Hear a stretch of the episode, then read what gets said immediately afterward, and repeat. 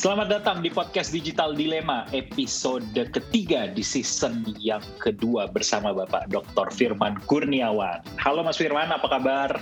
Uh, kabar baik dan gembira. Uh. Gembira, mantap. Tetap edisi podcast ini kita masih take berjauhan teman-teman, masih melalui online kita take-nya dan di masa pandemi ini yang hari ini ya um, COVID di Indonesia mencapai satu juta tembus ya mas ya? Tembus satu juta dari hari kemarin hari Selasa. Hari Selasa. Satu ya. juta lebih sekian. Kita take di hari. Iya kita, kita aja apa prihatin dengan angka yang membesar itu.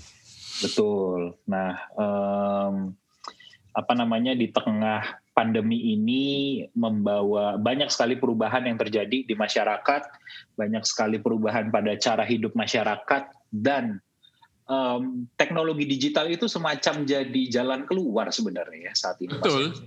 Dan mungkin take podcast kita ini nanti ke depan juga akan terus uh, berjauhan dengan iya, benar. Uh, medium online.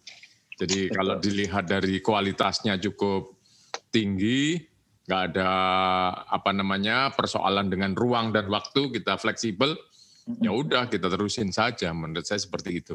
Hmm. Dan itu juga yang apa namanya terjadi sebuah semacam apa ya kultur baru ya di tengah di tengah keadaan pandemi ini yang menjadi bahasan kita di episode kali ini yaitu tentang digital nomad gitu. Iya, betul. Jadi ini sebetulnya bukan hal baru yang kalau di bahasa Indonesia kan itu adalah penjelajah digital. Ada yeah. uh, spesies baru di dalam peradaban uh, teknologi informasi ini yang disebut sebagai digital nomad. Hmm. Apa menariknya nih Mas kita bahas tentang si digital nomad saat ini? Ini kan ya. kan makin jadi populer sekarang ya gitu ya. Betul. Jadi uh, Mas Maksim mungkin secara tidak sadar juga uh, adalah pelaku digital nomad ini.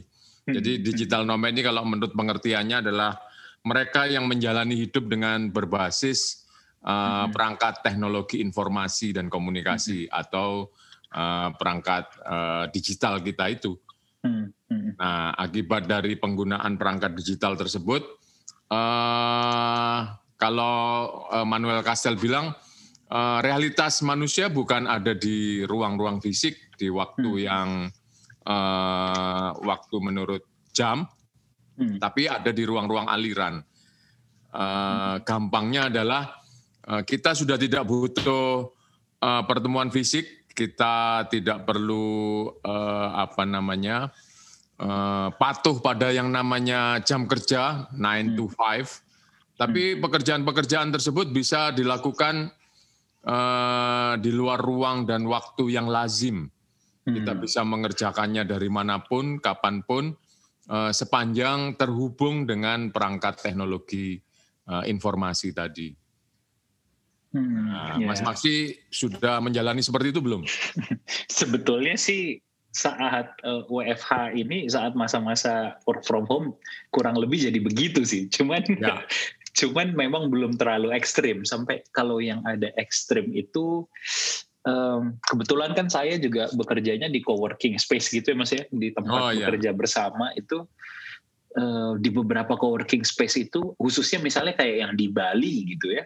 Mm-hmm. saya pernah coba datang ke sana itu benar-benar yang orangnya itu kerjanya setahun apa tiga bulan pindah tiga bulan pindah gitu. Ya ya jadi akibat dari fasilitas digital tersebut orang bisa pindah-pindah. Kita juga hari ini kerja di Starbucks Kemang misalnya, besok pindah di coworking Pacific Place, lusa mungkin di rumah sendiri.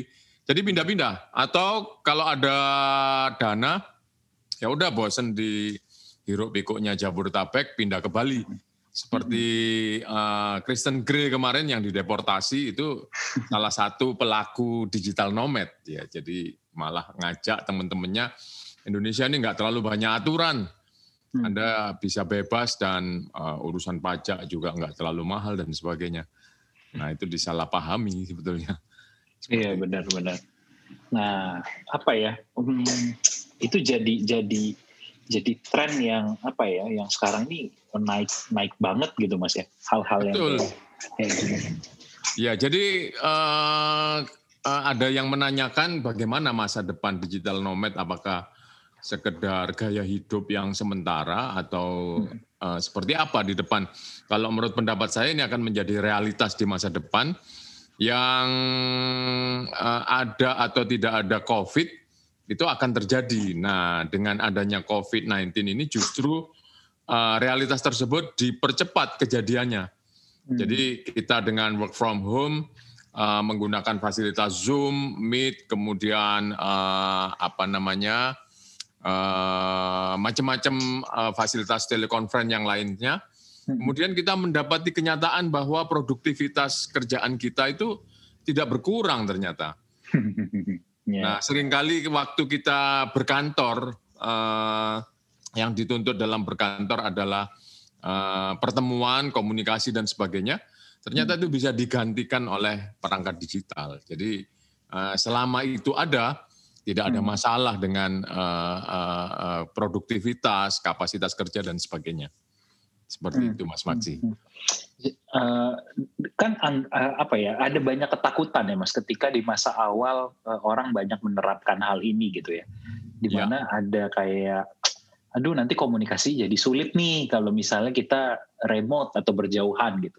Betul. Hal-hal ya. itu terbukti tidak terjadi atau sebenarnya terjadi tapi ya udah gitu mas bagaimana mas jadi uh, sebelum kita lebih jauh ngomong digital nomad ini ada um, dua varian yang menggunakan uh, pekerjaan yang menggunakan fasilitas telekomunikasi. Uh, hmm. Yang satunya tadi digital nomad yang benar-benar uh, bebas ruang dan waktu, bisa fleksibel di mana saja. Ada hmm. yang remote office. Nah, remote office ini memang tidak terikat uh, ruang tertentu, Hmm. Tapi waktu masih terikat. Biasanya ada jam hmm. kerja uh, jam 9 sampai jam 4 atau 5 sore harus hmm. bisa diakses entah pakai uh, WhatsApp, entah pakai uh, email harus dapat segera direspon. Uh, kalau diajak meeting pakai Zoom juga sudah harus available. Nah, itu remote office. Nah, sedangkan yang apa namanya digital nomad ini benar-benar bebas ruang dan waktu. Jadi untuk bertemu, untuk berkomunikasi eh, kapan pun. Nah di sini kemudian muncul ekses, muncul eh, dampak. Eh, kadang-kadang malah yang fleksibel ini jadi eh, unlimited waktunya.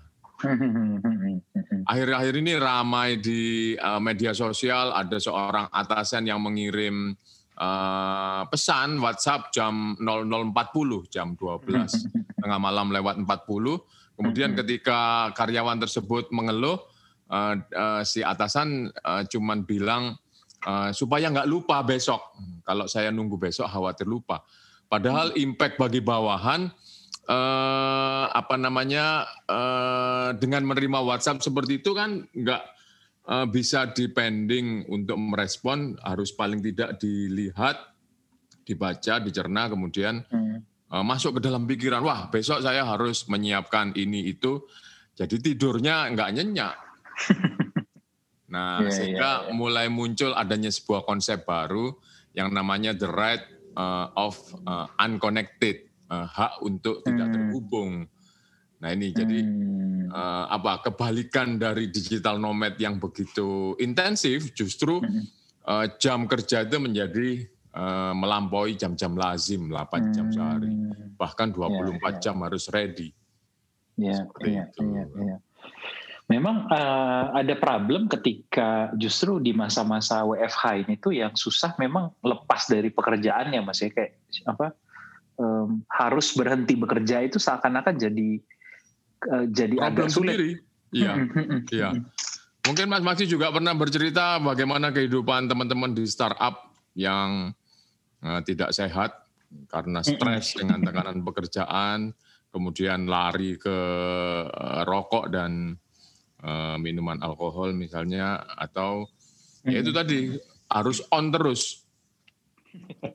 Ini tuh dulu ada cerita yang terkenal banget itu yang anak Indonesia yang di Thailand mas yang apa karena dia apa namanya sering harus on terus itu sampai konsumsi apa energy drink minuman berenergi. Semacam kerating deng. iya kayak gitu untuk boosting terus sampai akhirnya apa serangan uh, jantung. iya overdosis gitu saking saking dia harus onnya gitu ya. Betul betul. Nah. walaupun bukan yang menjadi korban on terus itu hanya para digital nomad, para gamers itu juga uh, hampir iya, iya, iya. bisa tiga kali 24 jam yang saya pernah baca itu iya. terjaga, uh, melek terus nggak bisa berhenti. Nah itu sudah uncontrolled situation. Iya, iya, iya, iya, benar.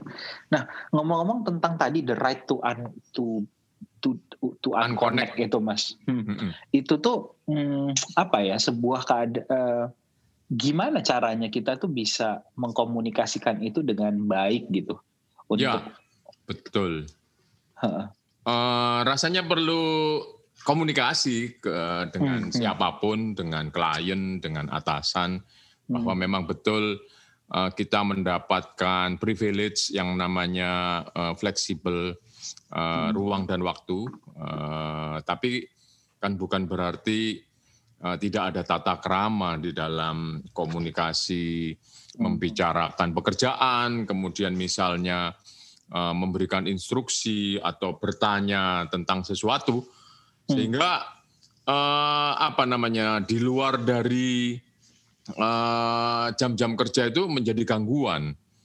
Hmm. Jadi yang perlu dipertimbangkan budaya 24 7 365 24 ah, jam sehari, 7 hari dalam seminggu, 365 hari dalam setahun, itu adalah uh, aktivitas yang memadukan antara manusia dengan mesin. Okay. Jadi katakanlah seperti uh, layanan customer service. Uh, saya pernah membaca uh, misalnya antivirus untuk komputer.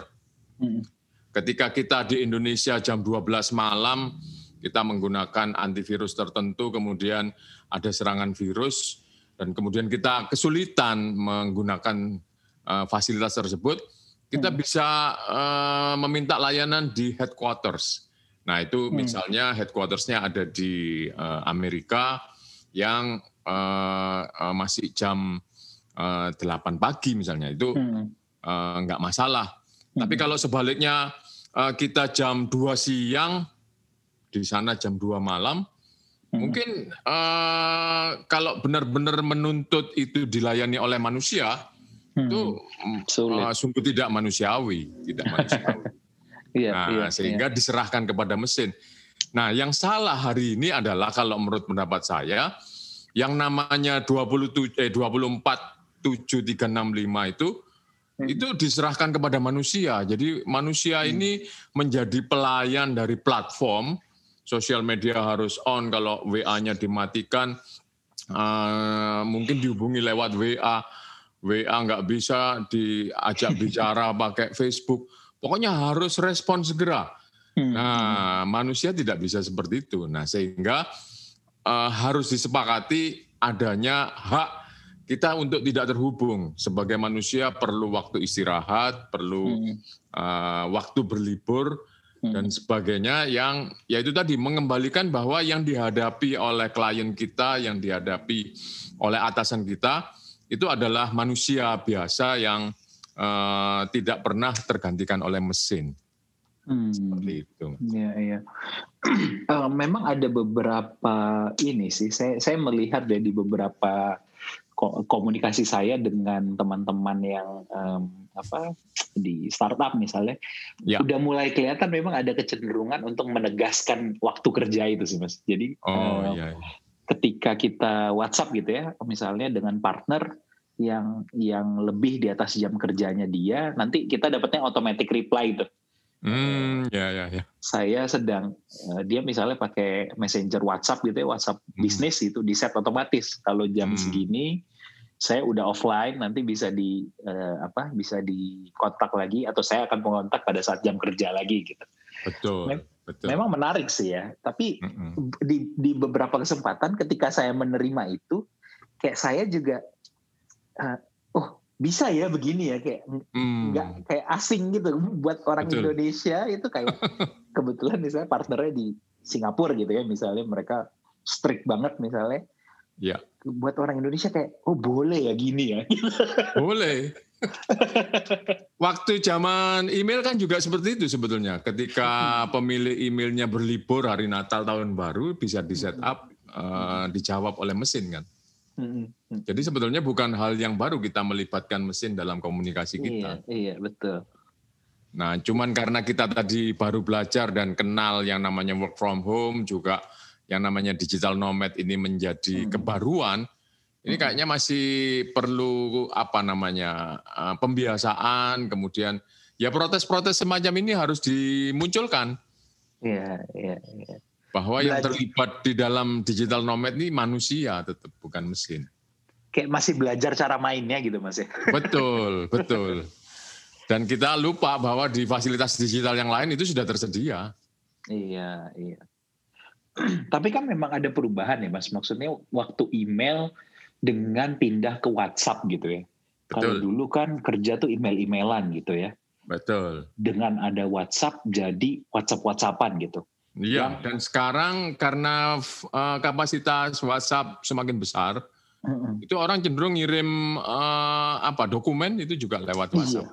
Iya, iya, Dan itu kan bisa apa ya kalau WhatsApp itu cenderung lebih dituntut untuk fast respon gitu kan. Merespon, nah itu, respon itu cepat tuh. Betul. Kalau nah. waktu email kayak masih ada waktu untuk untuk ya udah lama gitu kan sekali balas panjang gitu kan. Iya dan waktu itu kan uh, email tidak terhubung dengan smartphone, uh, smartphone kita kita bisa iya. berdalih belum nyalain komputer atau saya nggak di depan komputer. Kalau sekarang karena perangkat uh, smartphone-nya harus di genggaman tangan terus, hmm. ini kok sudah contreng dua kok nggak direspon. Nah, jadi ngambek yang sebelah sana. Seperti itu mungkin. I, itu pun jadi bahan ini ya Mas. Apa? Kalau komunikasi itu kan ada verbal, ada non verbal ya. Ya, ya. Centrang dua itu jadi kayak apa? Gestur ya sekarang ya. Dinilai sebagai itu bisa jadi suatu makna gitu ya kayak. Betul. Kenapa betul. ya gitu. Nah kalau saya sendiri pakai cara yang primitif, digital tapi primitif. Hmm, gimana Di hari itu? Sabtu Minggu saya blok beberapa orang yang biasanya tidak tahu uh, tata krama di hari Sabtu tersebut atau hmm. Minggu itu saya blok sementara jadi nggak bisa masuk. Nanti hari iya, Senin iya. saya buka lagi. Padahal kan nggak nggak nggak usah seperti itu kan belum tentu juga mereka hari Sabtu Minggu kalaupun menghubungi saya itu urusan iya. pekerjaan kan belum tentu iya, juga. Iya. Nah tapi daripada uh, terlanjur sudah ngirim terus nanya uh, pesanan kalendernya kemarin gimana udah beres belum? Mood saya rusak lebih baik saya blok. Iya iya iya benar benar benar benar memang hmm. akhirnya memang ini ya apa saya tuh juga sekarang mikirnya mas mulai mulai berasa sih kayaknya apakah memang perlu ya di ini tuh kan sekarang handphone itu nomor handphone itu udah nempel jadi identitas kita juga ya sebagai betul. orang yang nomaden ini gitu kan iya betul Apakah perlu mungkin makin di sini makin lihat kayaknya perlu punya dua identitas nomor handphone gitu ya kayak. Oh gitu ya, yang satu bisnis, yang satu private ya. Private gitu. Jadi saya yeah. sampai kayak pengen loss dari apa ada saatnya saya benar-benar nggak mau ngurusin hal itu gitu ya. Mm-hmm. ya itu yang yang sisi itu aja yang dimatiin gitu. Tapi personally saya masih bisa gitu kan. Iya iya betul. Ya itu salah satu jalan keluar dari ketidaknyamanan digital seperti ini. Iya iya iya. Nah kita sedang mencari bentuk ini bagaimana pengaturan karena belum disepakati bersama yang yang saya temukan menarik juga mas itu karena tadi ya apa terkadang kan kualitas komunikasinya kalau misalnya melalui chat atau melalui uh, apa teks berbasis teks ini kan uh, apa istilahnya media richnessnya itu kan uh, lebih, lebih terbatas. Kecil. Ya. Iya. Ya. Jadi memerlukan kuantitas yang lebih banyak gitu kan. Betul, jadi annoying. Annoying ya. Iya, jadi kalau kita bertemu muka atau mungkin teleconference uh, meeting sesuatu hmm. walaupun rumit, tapi kalau temu muka itu uh, apa selesai. banyak hal yang selesai. Hmm. Nah, hmm. tapi ketika ngobrol lewat WA, uh, satu kita nggak yakin apakah yang di sana benar mengerti maksud kita. Hmm. Yang kedua mungkin uh, apa namanya ya memang instruksi kita uh, rumit sehingga perlu diulang-ulang. Nah itu akhirnya menimbulkan gangguan atau justru diabaikan sama sekali. Iya, Jadi ada beberapa teman yang bilang wah maaf ketumpuk. Nah seperti itu. Iya iya iya. iya. Memang semuanya tuh sedang mencari bentuk lah ya tentang um, apa digital uh, kehidupan digital nomaden ini digital nomad ini ya. Iya. Ya betul. Nah, tapi yang perlu kita optimis bahwa hmm. uh, digital nomad ini menawarkan sebuah realitas yang baru.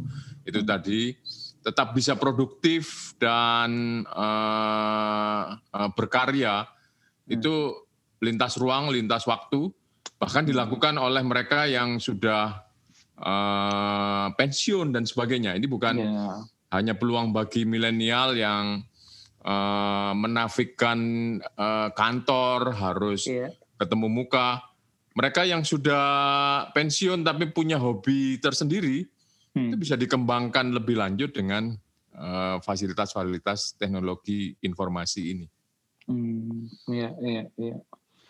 Mereka bisa memanfaatkan apa cara bekerja ini tuh untuk justru uh, ini ini tuh ada ada efeknya bagi orang-orang yang misalnya sudah tidak bisa bergerak secara mobile lagi, secara secara apa namanya fisik-fisiknya terbatas misalnya ini bisa Betul. menjadi jawaban sebenarnya. Ya. Betul. Jadi uh, kalau kita lihat uh, contoh digital nomaden yang uh, sukses ada Eric Weiner, ada hmm uh, Mark Manson, mereka para penulis, juga hmm. para fotografer, desainer dan sebagainya hmm. itu uh, melakukan pekerjaannya secara digital nomad ini. Nah, hmm. uh, apa namanya? Buat mereka adalah yang penting target kan.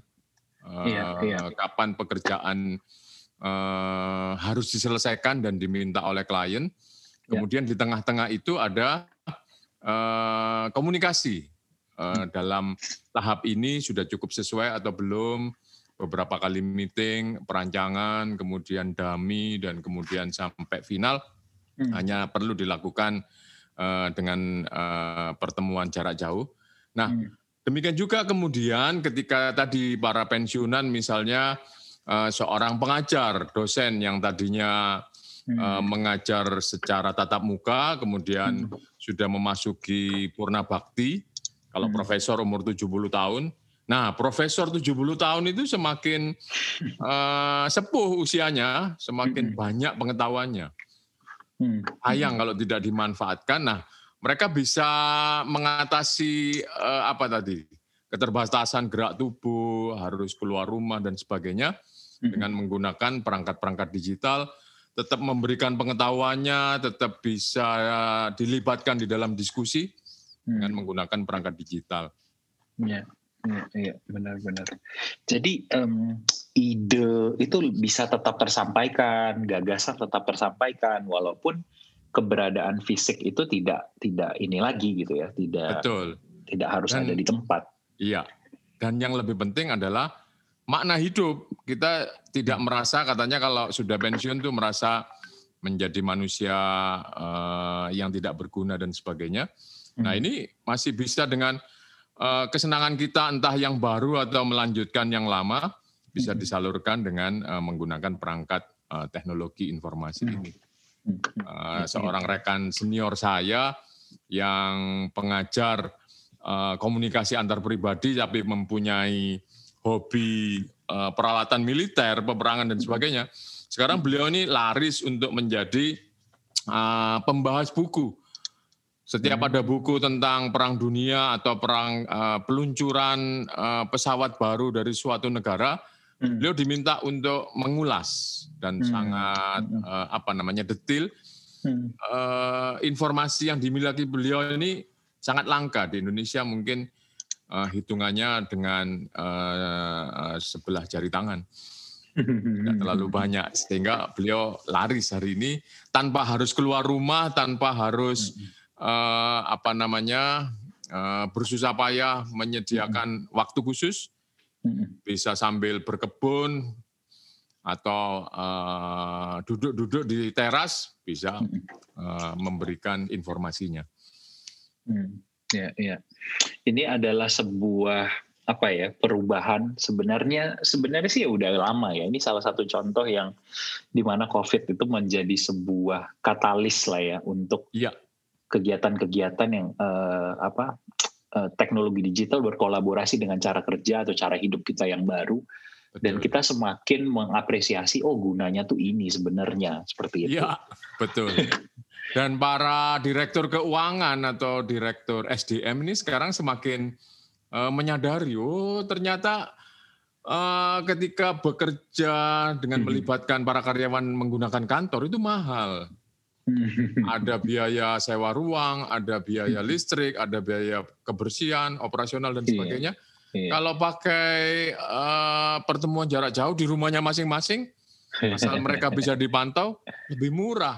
Iya, nah, iya. saya yakin nanti setelah COVID selesai, mereka tidak akan kembali lagi ke uh, pola lama bekerja dengan uh, sistem kantor yang temu muka iya, itu. Betul, betul. Dan apa namanya uh, terlebih produktivitas um, ya paling mengalami penurunan cuma di awal-awal, lama-lama dia orang udah terbiasa juga gitu mas ya. Betul, betul. Iya, iya. Mas Maksi sendiri merasa lebih lelah nggak di waktu uh, work from home? Sejujurnya iya sih. Apa faktornya? Di, di di awal ya, apalagi di awal ya, ketika semuanya pada pindah ke ini uh, pertemuan online, jadi meetingnya tuh yang yang sebenarnya kalau kayaknya ini kalau di kantor di kantor cuma ngobrol biasa gitu, hmm.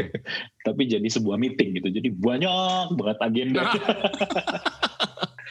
Dan kadang-kadang instruksi itu tanpa jeda masuk dari kiri kanan. Iya. Ada yang permintaan dokumen ini, ada yang iya. uh, bertanya tentang itu, jadi harus ditanggapi semua. Jadi biasanya kerjaan saya hari itu meeting gitu, mas. Nanti Betul. baru kerjanya nanti setelah setelah selesai semua gitu. Dan ketika kerja juga disela-sela dengan uh, permintaan meeting yang lain gitu kan. Iya, bahkan nggak bisa kerja sama sekali waktu di jam jam kerjanya gitu karena harus meeting, meeting, meeting, meeting, meeting. Nanti, uh, nah yang jadi susahnya adalah untuk unconnect dari pekerjaannya adalah karena saya baru bisa ngerjain yang di meetingin tadi malam gitu. setelah setelah meetingnya selesai semua gitu. Dan tiba-tiba ada WA tengah malam. Tengah. Kalendernya udah selesai belum? Jadinya kayak, aduh, ini belum juga bayar banget itu sih satu satu dilema yang dihadapin adalah justru dengan pekerjaan yang ngikut ke mana-mana justru juga apa namanya um, dengan tidak bekerja di kantor jadi pekerjaannya ikut ke mana-mana gitu. Nampaknya kita harus tegas. Iya betul. walaupun fleksibel ruang dan waktu mm -hmm. bukan berarti semua pihak bisa Eh, memberikan instruksi, bisa Betul. bertanya dan membebankan sesuatu kita di luar jam-jam yang lazim. Sepertinya seperti Betul, itu. betul. Jangan sampai kita malah istilahnya burn out sendiri lah ya gitu dengan dengan ada yang sekarang. Uh, menarik banget uh, tentang digital nomad ini teman-teman. Uh, mungkin teman-teman punya real apa uh, punya cerita-cerita yang relate dengan hal ini nanti bisa sharing-sharing ke kita juga. Nanti Mas Firman ya. akan share tentang episode ini di, di apa uh, Instagramnya beliau. Teman-teman bisa komen atau bisa reply ke Mas Firman cerita-cerita ya. tentang uh, gimana sih pengalamannya. Nanti kalau ada yang seru bisa kita ajak take bareng kita juga. Iya. Iya. Gitu. Nah Um, untuk menutup, Mas Firman, ada yang ingin disampaikan untuk uh, pendengar uh, podcast Digital Dilema? Ya betul dengan uh, perangkat teknologi informasi, perangkat digital, memang hidup lebih mudah, lebih cepat dan banyak produktivitas yang bisa diraih. Tapi kita harus ingat bahwa uh, kita dibantu oleh uh, alat. Jadi hmm. bukan dibalik kita menjadi pembantunya alat. Jadi tetap ya, kita ya, harus ya. meletakkan porsi manusiawi kita dan juga ya. memperlakukan pihak lain secara manusiawi. Jadi bukan ya. mengikuti logikanya perangkat yang 24765 kita hmm. adalah uh, manusia yang sepertiganya untuk istirahat, hmm. sepertiganya untuk bekerja, sepertiga waktunya lagi untuk melamun. Jadi jangan lupa kita harus tetap bisa melamun. itu dia. Karena dengan melakukan itu pekerjaannya jadi lebih produktif biasanya. Betul. Iya, iya, iya. Sip. Teman-teman kalau punya cerita, punya tanggapan, boleh share ke kita, boleh follow Instagramnya Mas Firman di @firman Kurniawan dan juga Dengan jangan lupa, jangan lupa juga untuk uh, buat yang belum punya bukunya Digital Dilema Mas Firman, uh, itu bisa dilihat bisa kontak ke Mas Firman untuk mendapatkan bukunya. Terima Dan kasih. episode eh, di season kedua ini adalah untuk menyambut nanti buku yang keduanya dari Mas Firman, ya. Digital ya. Dilema eh, dua. apa namanya dua itu eh, tema-temanya akan kita bahas-bahas juga. Ada tema-tema yang kita bahas-bahas di sini juga. Ya. Jadi terima kasih untuk waktunya yang sudah mendengarkan. Kita ketemu lagi di episode selanjutnya. Dadah. Sampai jumpa.